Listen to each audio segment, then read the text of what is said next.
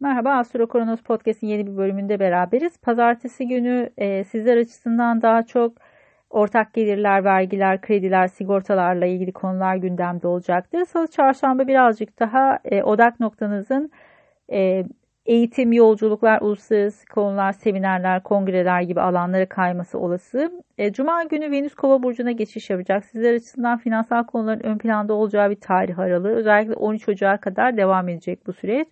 E, daha çok e, maddi konularla ilgili e, ortaklıklar gündeme gelebilir belki ve bu alandaki e, gelişmeleri değerlendirebilirsiniz.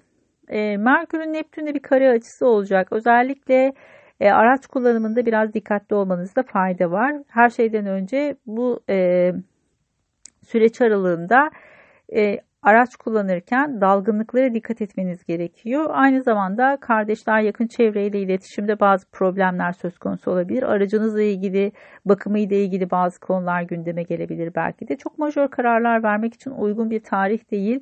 O yüzden de e, burada yanılgılara açık olduğunuzun farkında olun.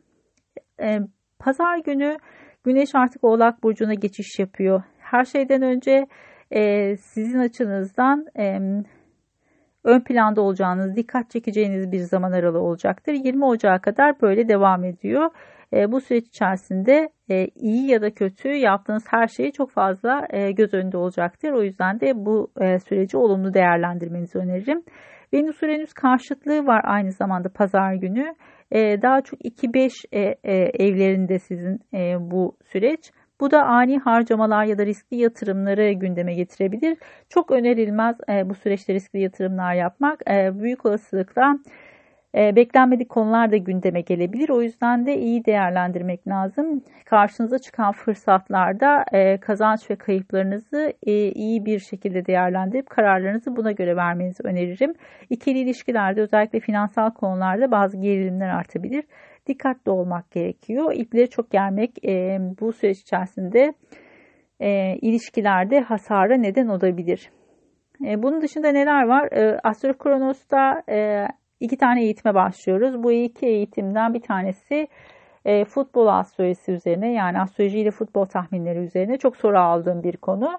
E, o yüzden de bununla ilgili bir eğitime başlama kararı aldım. Aynı zamanda Horary Astroloji üzerine bir eğitime başlıyoruz. İki eğitim de online olacak. Horary Astroloji belki İzmir'de yüz yüze bir eğitimde açabilirim. Sınıf uygun olursa eğer.